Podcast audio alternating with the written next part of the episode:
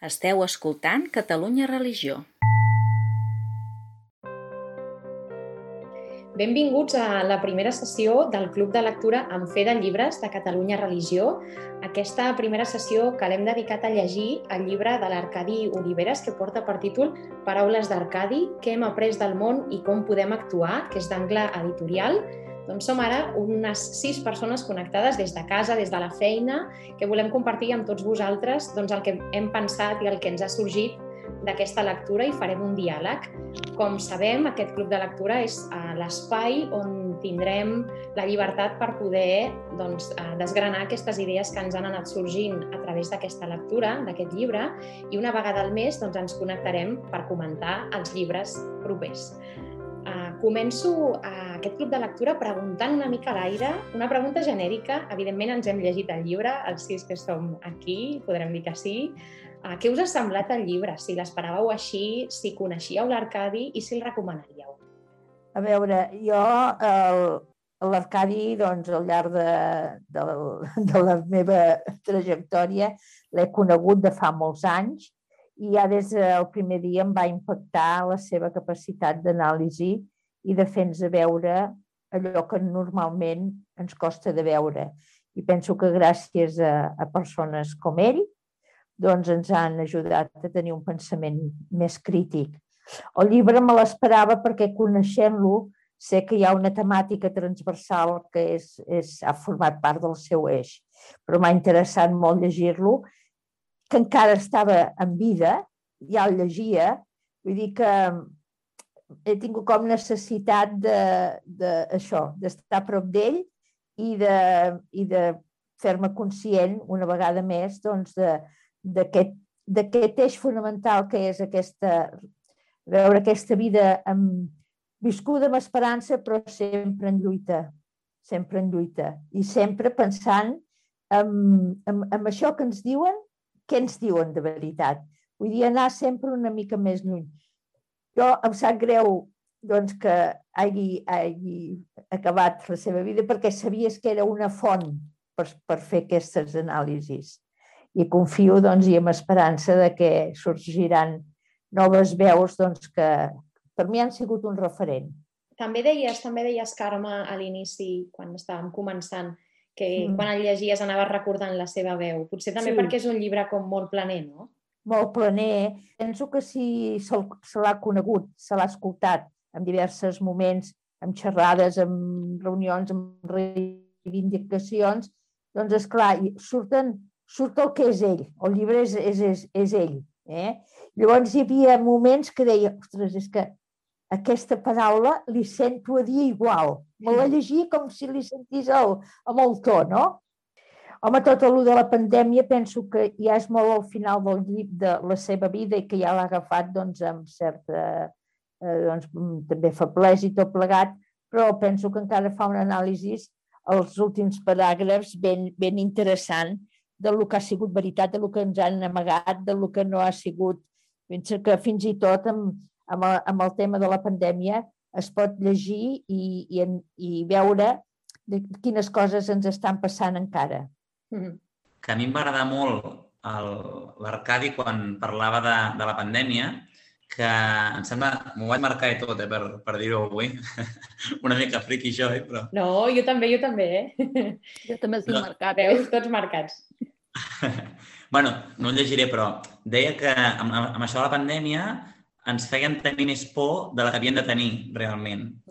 I, i amb el seu discurs de desobediència no? i de, a partir de la no violència, crec que hem de fer això, no? una mica de, de desobeir i no tenir tanta por realment de, de, de que ens estan dient els mitjans de comunicació. Mm -hmm. Clar, al final era com... Sí, és una eina transversal amb el tema de la por de la pandèmia, no? Doncs eh, al final tot gira com al voltant de tenir un esperit crític i, i la sensació de, de, de no tenir temps amb aquesta pandèmia, eh, de, de pensar si el que ens estaven dient era bo, dolent, si hi ha una alternativa, no? Però en altres temes també parla, no? És la sensació de dir parem-nos a informar-nos, és importantíssim, o l'educació, el tema central, no? que ara en parlarem, doncs al final és, eh, sobretot, has de tenir aquesta curiositat per saber si, si cal seguir o no, si la llibertat va per una banda, si no, si això és correcte o si no, si el pensament global doncs és el, el que toca o no. Jo en el tema de la pandèmia sí que vaig marcar una frase, eh, que sí que la llegiré perquè és molt curteta i crec que defineix el que és l'Arcadi i el que ens transmet, una de les coses que ens transmet. I en un moment determinat ell diu, al final tots són aprenentatges de vida. I aquests aprenentatges de vida, que està justament al capítol de la pandèmia, però podria estar en qualsevol altre capítol, en qualsevol. Eh, penso que és una, una de les coses que, més enllà de l'eix conductor que sempre té ell, no? el pacifisme, de no la guerra, de no el capitalisme, de, mm. eh, ostres, és, és per aplicable a, a qualsevol edat, a més. El aprenentatge de vida, el recordar que qualsevol cosa que ens passi, si som capaços d'analitzar i de treure'n el bo i el dolent, però saber trobar l'equilibri, que també ho diu diverses vegades, eh, deixa de ser sempre un aprenentatge de vida. Jo me'l vaig comprar per Sant Jordi, o sigui que he tingut temps de fullejar-lo. No, no l'he no saborit encara profundament perquè fa molt poc que el tinc. Però sí que volia mm, tenir-lo perquè era, en tinc algun altre d'ell i vaig coincidir amb ell amb algunes uh, manifestacions o actes o bueno, en algunes ocasions, però sí que el volia tenir com, com, a, com a testament, no? com és el, focalitzant aquestes paraules que són el seu, el seu llegat, el seu testimoni. No? I, i com que sóc educadora, doncs també me n'he anat a llegir doncs, l'últim capítol i, i aquest, aquest, el penúltim, no? que és el, em sembla el que va de, de la pandèmia, del, del que hem après de, de la pandèmia. Ah. Mm -hmm. I, I jo el que uh, bueno, trobo admirable d'ell moltíssimes coses, no? però en aquest moment el sentit crític que tu deies i, i la reflexió. O sigui, trobo que ens falta molt aquest temps d'aturar-te i reflexionar, no, no només sol, sinó en col·lectiu.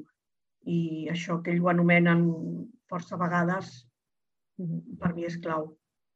El llibre, a més, m'ha arribat tard i, i, de fet, vaig pel primer capítol. Eh, és molt trist estar en un... No, ja... és molt trist estar aquí en un col·loqui sobre un llibre que només, només m'he llegit apenes el primer capítol, però m'ha agradat molt. Uh, uh, o sigui, el primer capítol que fa, que comença fent aquesta mena d'experiència de, personal explicada no? de, del que és la democràcia i, i que passa també per com està organitzada ara mateix uh -huh. i que passa també per explicar la necessitat i la conveniència de, de desobeir.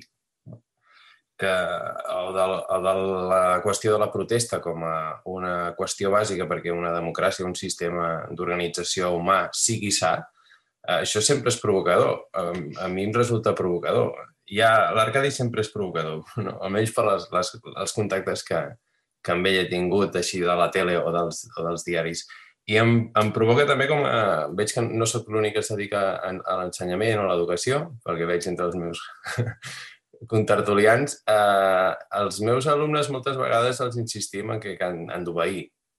Eh, I, i això sí, gener... sí, sí. És clar, en això ens ho expliquen a, les famílies també a casa, no? Sí, d'obeir, sí, exacte. No? Nen, fes cas, no? Sí. I, I, clar, genera un punt de dilema, no? Perquè és veritat que el que planteja, el que planteja molts cops l'Arcadi és, és que hi ha, alguna, hi ha una qüestió de desobediència que és moralment necessària. O sigui, és moralment eh, just desobeir, no? Això és mm. gairebé una paradoxa, no? Sí, sí. És, ostres, eh, és, eh, educar, educar en això és tot un repte, no?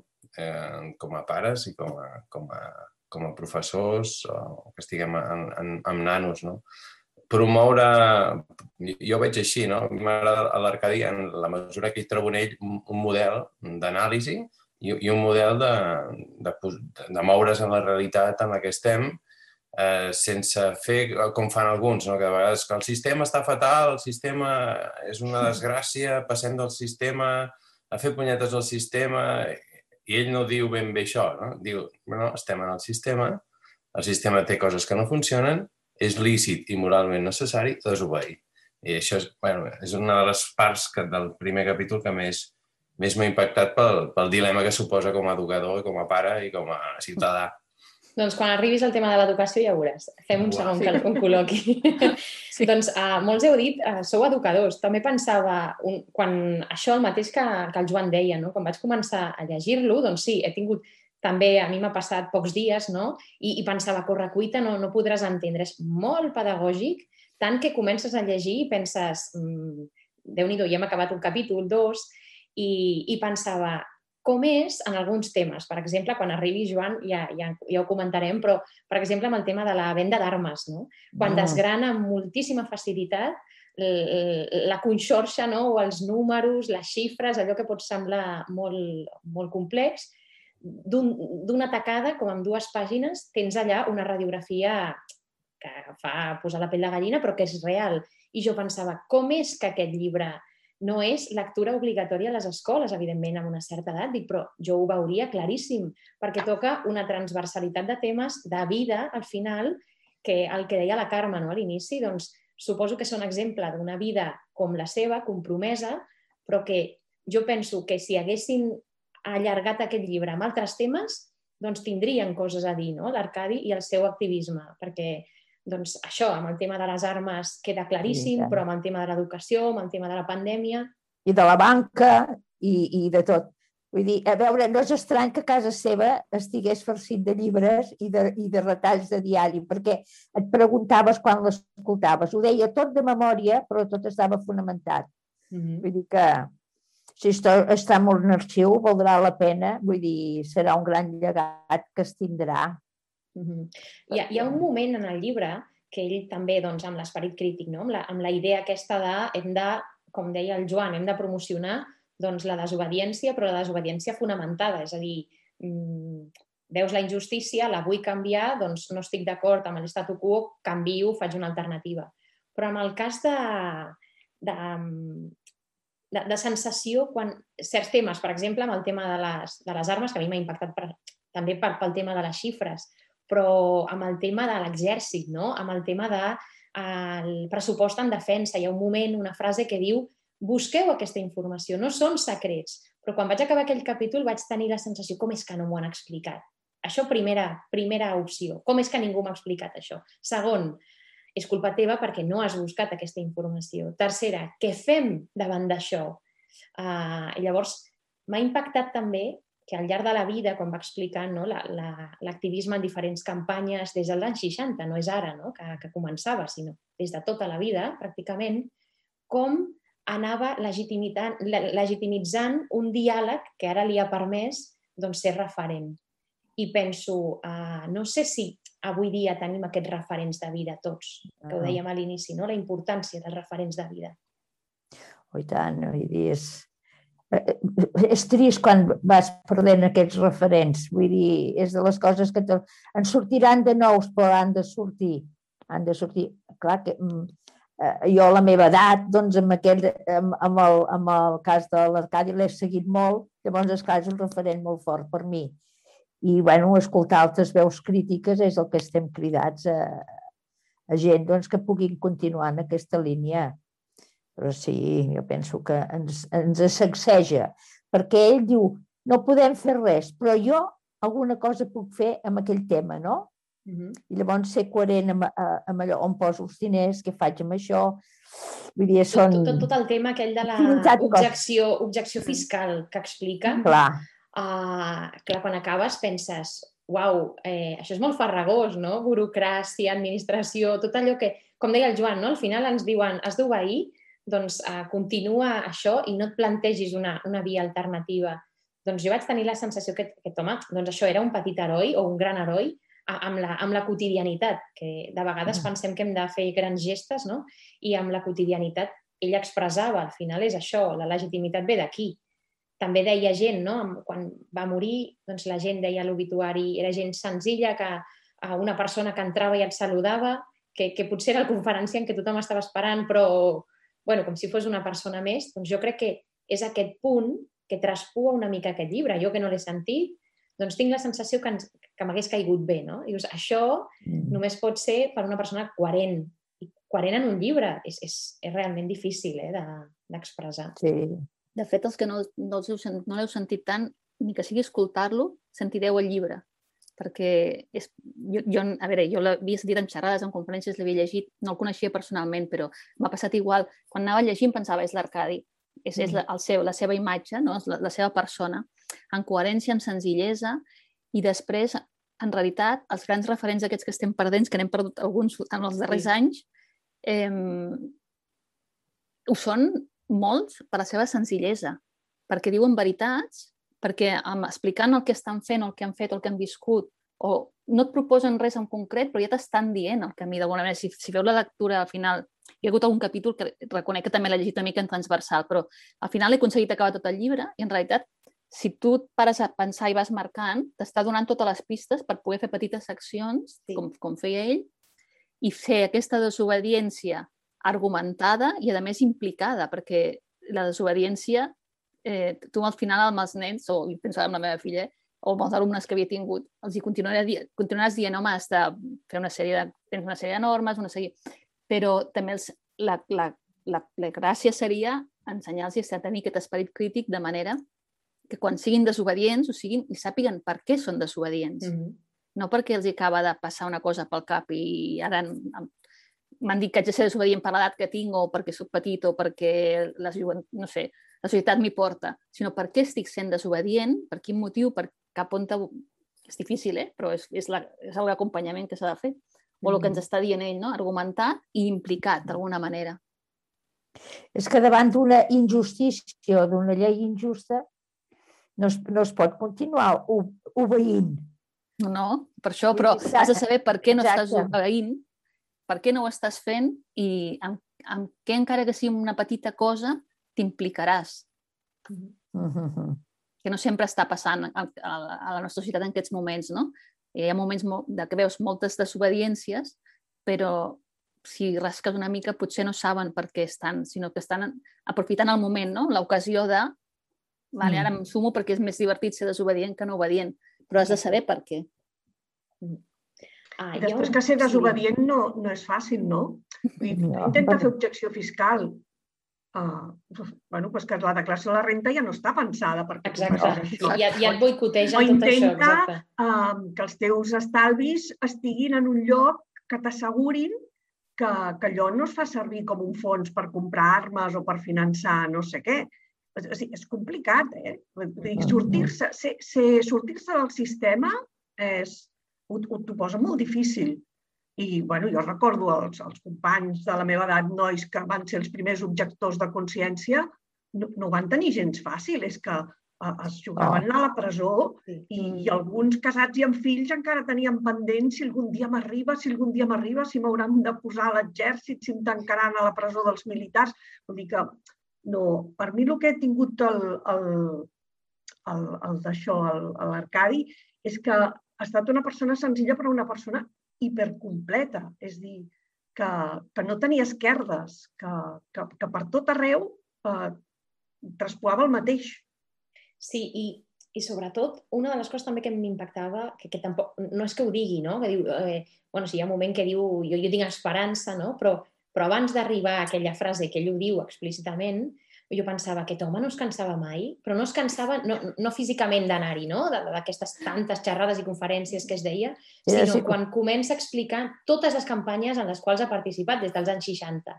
I deia, la del 0,7, doncs mira, no va donar aquests resultats i avui dia doncs no, no, no hi som ni arribarem, no? O sigui, sóc conscient.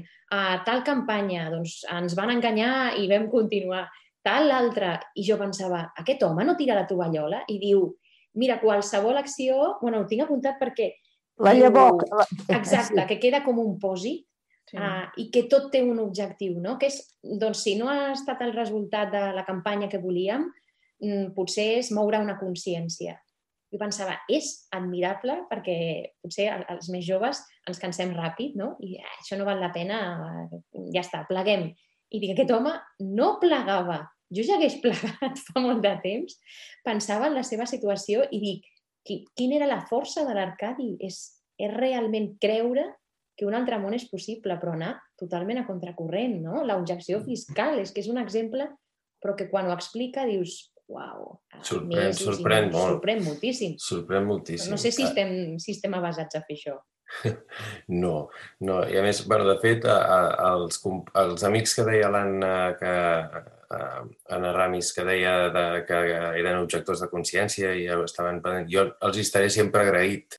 Ja Això de la, la llavor que queda és una llavor que es pot convertir en planta, perquè, um, bueno, la, la, els de la meva quinta, diguéssim, ens van cridar a files per fer la mili però vam al·legar estudis, allò que la pròrroga, i a la segona vegada que ens van cridar ja ens van dir, bueno, si no vens ja entendrem que no la fas i no passa res, no? I algú ha d'obrir la porta, diria. Tots, tots vam fer, uf, sort, Mm. que hi va haver alguns quants que es van, bueno, que van passar pel que van passar i van acabar a la presó i van haver de patir processos judicials i, i tot això.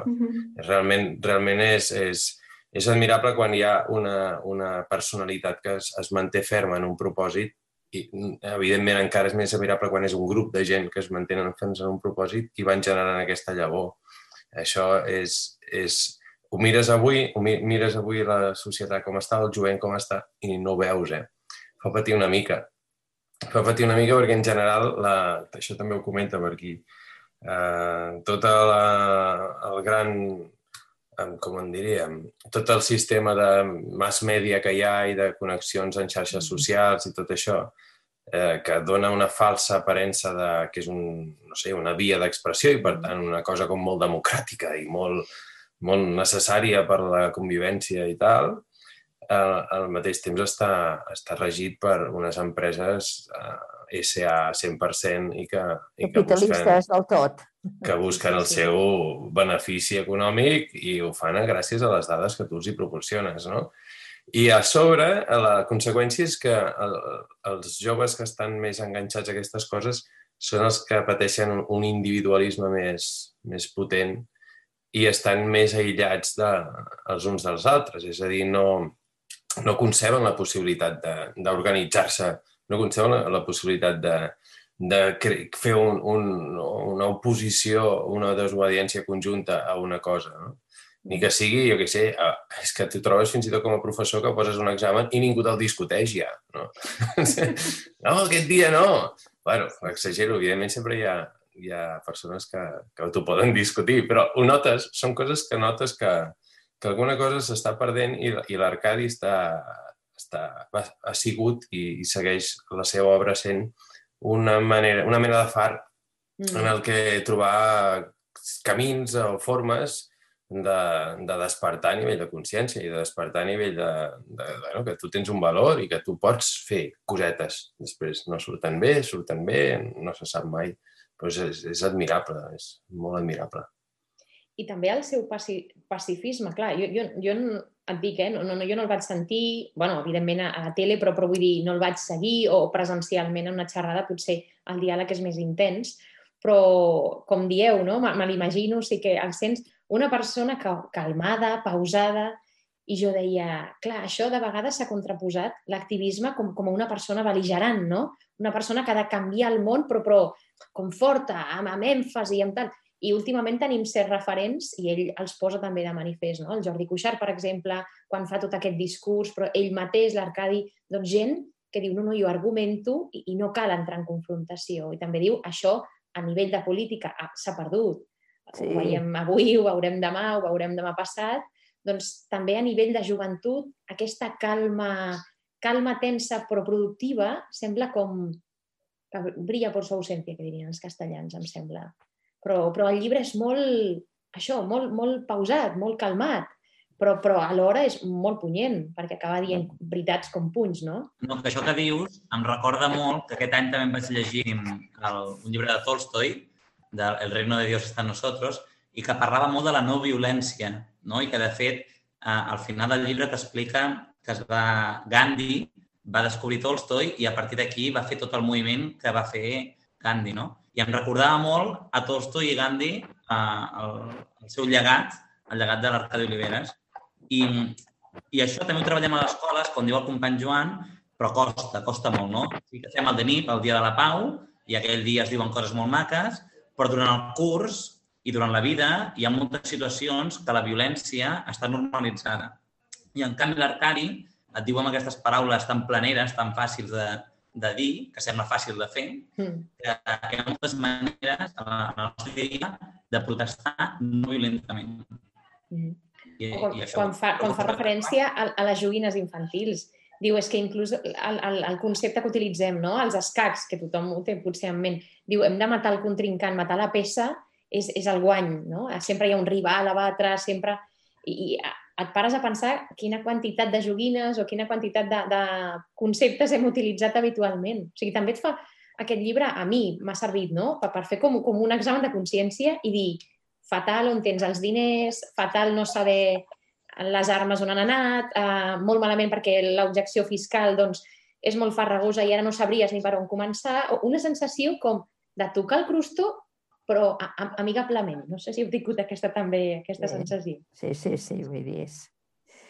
Confronta, i pensem en tot el tema de les cooperatives, en tot el tema de... de bueno, vull dir, és, no? com, com, com explica també, no? una manera nova de viure i de, de plantejar les coses. Bueno, I això, en tenim models i en tenim, i, però falta fer el pas doncs, de creure'ns-ho més, tots plegats.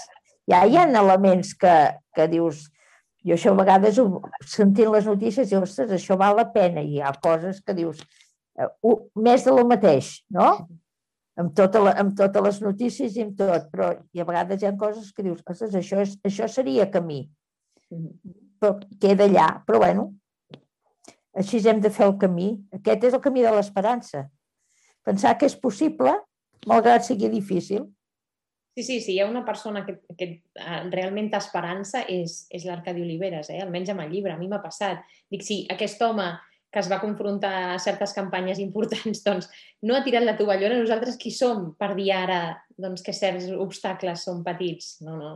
No? I decepcions també em van passar perquè quan van anar allà a les Nacions Unides sí. pensant que signarien aquell tractat i quan van veure que posaven voluntàriament, ho vam tornar amb la, amb la cua entre cames, no?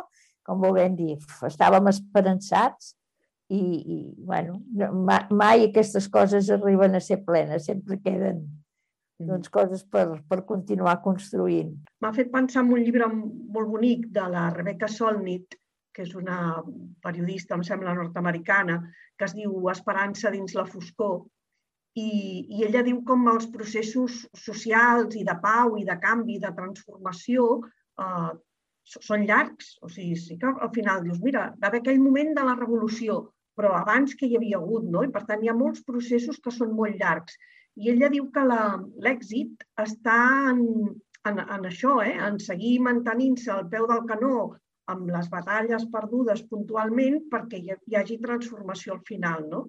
I posa aquell exemple tan bonic no? de, de quin, quin borralló de neu quan cau en una branca és el que fa que la branca es trenqui, no? Quants centenars o milers o milions n'han caigut abans, no? Mm. Vull dir que a vegades penses, bueno, que jo faci objectiu fiscal o no, a qui li importa? Però bueno, jo sóc un d'aquells centenars o milers de borrallons no? que, inspirada per l'Arcadi, doncs, doncs mira, encara que sembli que és inútil, doncs vinga, va, mm, som amb això, no? I amb això l'Arcadi jo crec que tenia aquesta paciència pacífica d'aquell qui no... Qui no, qui no desespera esperant. Ni s'enfila gaire a la parra ni es devia decepcionar massa, no? Mm. Perquè sempre tenia aquest equilibri de, vinga, doncs hem perdut aquesta, doncs anem a per la següent, no? Mm. I una mica també, eh, jo pensava, clar, ara tu deies, hi ha darrere algú, no? A l'Eloi, que ha hagut de marxar, doncs també ens deia Tolstoi, uh, potser tenia referències que semblen un mix. O sigui, la, la importància, i no ho diré perquè estem en un club de lectura no? i perquè jo sigui fanàtica dels llibres, però dic la importància d'anar llegint referents, perquè mm. si no et trobes molt sol de vegades amb aquestes lluites, no? i pensava l'Arcadi, mm, què, què, què, què li fa mantenir, no? De, de vegades deia una fe, tot i que no explícita, però un, un, una sensació de col·lectivitat, uns referents que has tingut a l'escola i com t'impacten al llarg de la vida, no? encara que siguis molt gran. Um, doncs, de vegades menyspreem aquests, aquests referents poc coneguts de, de textos o documents o perquè són més antics que ens poden ressonar avui. I tant de bo, doncs, pensava, tant de bo aquest exemple clàssic, aquest llibre, que és, és un llibre petitet, fàcil, de 160 pàgines, eh, quedés en una tauleta no? i qualsevol altra generació, segona, tercera generació, el recuperés i allò li continués ressonant. De fet, és, és, molt, és molt actual, molt transversal, no? que deia la Carme, un, al final és una transversalitat de vida la seva. De fet, ha tingut molts alumnes, eh? Vull dir, molta gent, i penso que amb, amb això que vam fer la pàgina web de, de poder-lo, mm, hi haurà hagut gent que ens haurà tornat a, a, a motivar del que va sentir, n'estic segura, eh? Estic segura que, que la gent que el van tenir de professor, i ell ja en sabia de gent que havien canviat de, de treball, de feina, de coses, no? Però amb 17.000, vull dir, hi ha molt anonimat, també. Sí, sí. Però, bueno, hem de pensar que, que, que, que va influir a molta, a molta gent.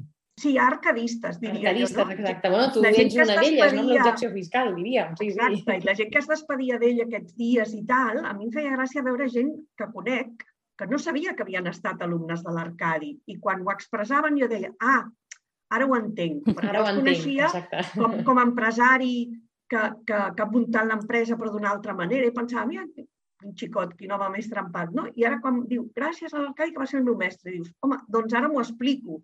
Aquí estàs veient com hi ha persones que, que, que han portat en la seva vida laboral o, o familiar o el que sigui, l'exemple de l'Arcadi, no?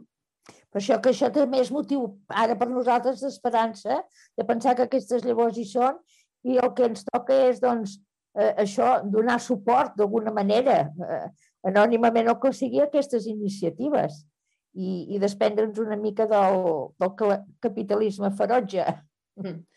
Sí, sí. També és una persona molt agraïda perquè el recorregut inicial que fa a tots els seus mestres que he conegut, eh, el que li han aportat cadascun, a part de la memòria que jo seria incapaç de recordar tots els meus mestres, però això ja són capacitats, eh, de cadascun sap treure, no? I fins al final del llibre em va donant les gràcies a diferents col·lectius, a diferents companys, a diferents, les, els aprenentatges que ha tingut. Mhm. I després l'altre, bueno, el do que tenia ell, que era el do de la paraula, i que en molts moments diu, "Em fan més por les paraules que les armes en, molts, en, en, l'actualitat. Mm. Sobretot en el, quan parla dels presos polítics, ho, ho deixa ben clar, però ja, sense que ho digui tan explícitament, en molts moments del llibre t'ho està donant a entendre, no? que si saps utilitzar el do de la paraula i aquests referents eh, que has viscut o que has sentit o que t'han t'han traspoat, eh, a vegades fan molta més por que no agafar una arma, perquè l'arma és aquell moment només, però la paraula perdura, no? La paraula dita o no dita, o dita d'una manera o d'una altra, en realitat sempre perdura, et queda allà. Doncs amb aquesta idea de les paraules perduren i gràcies a Déu doncs, eh, s'ha publicat aquest llibre de l'Arcadi. Acabarem aquesta tertúlia de la primera sessió del Club de Lectura en Fe de Llibres. Us recordo que el proper llibre és Els secrets de l'abadia de Victòria Molins. Evidentment, un, altre llibre referent, diferent. un altre referent, eh? Un altre referent, ja veurem a veure si la podem convidar. M'encantaria que s'unís a la nostra tertúlia.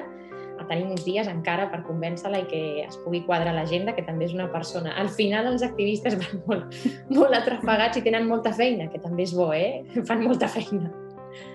Bueno, doncs us agraeixo molt eh, al CIS, la participació eh, i això, estem oberts a qualsevol persona que s'hi vulgui sumar. Doncs una vegada al mes estarem aquí amatents i ens podreu sentir en aquest podcast. Així que moltes gràcies al CIS i ens veiem d'aquí un mes. Fins aviat. Gràcies. I gràcies a vosaltres. Adéu-siau. Adéu. Catalunya Religió.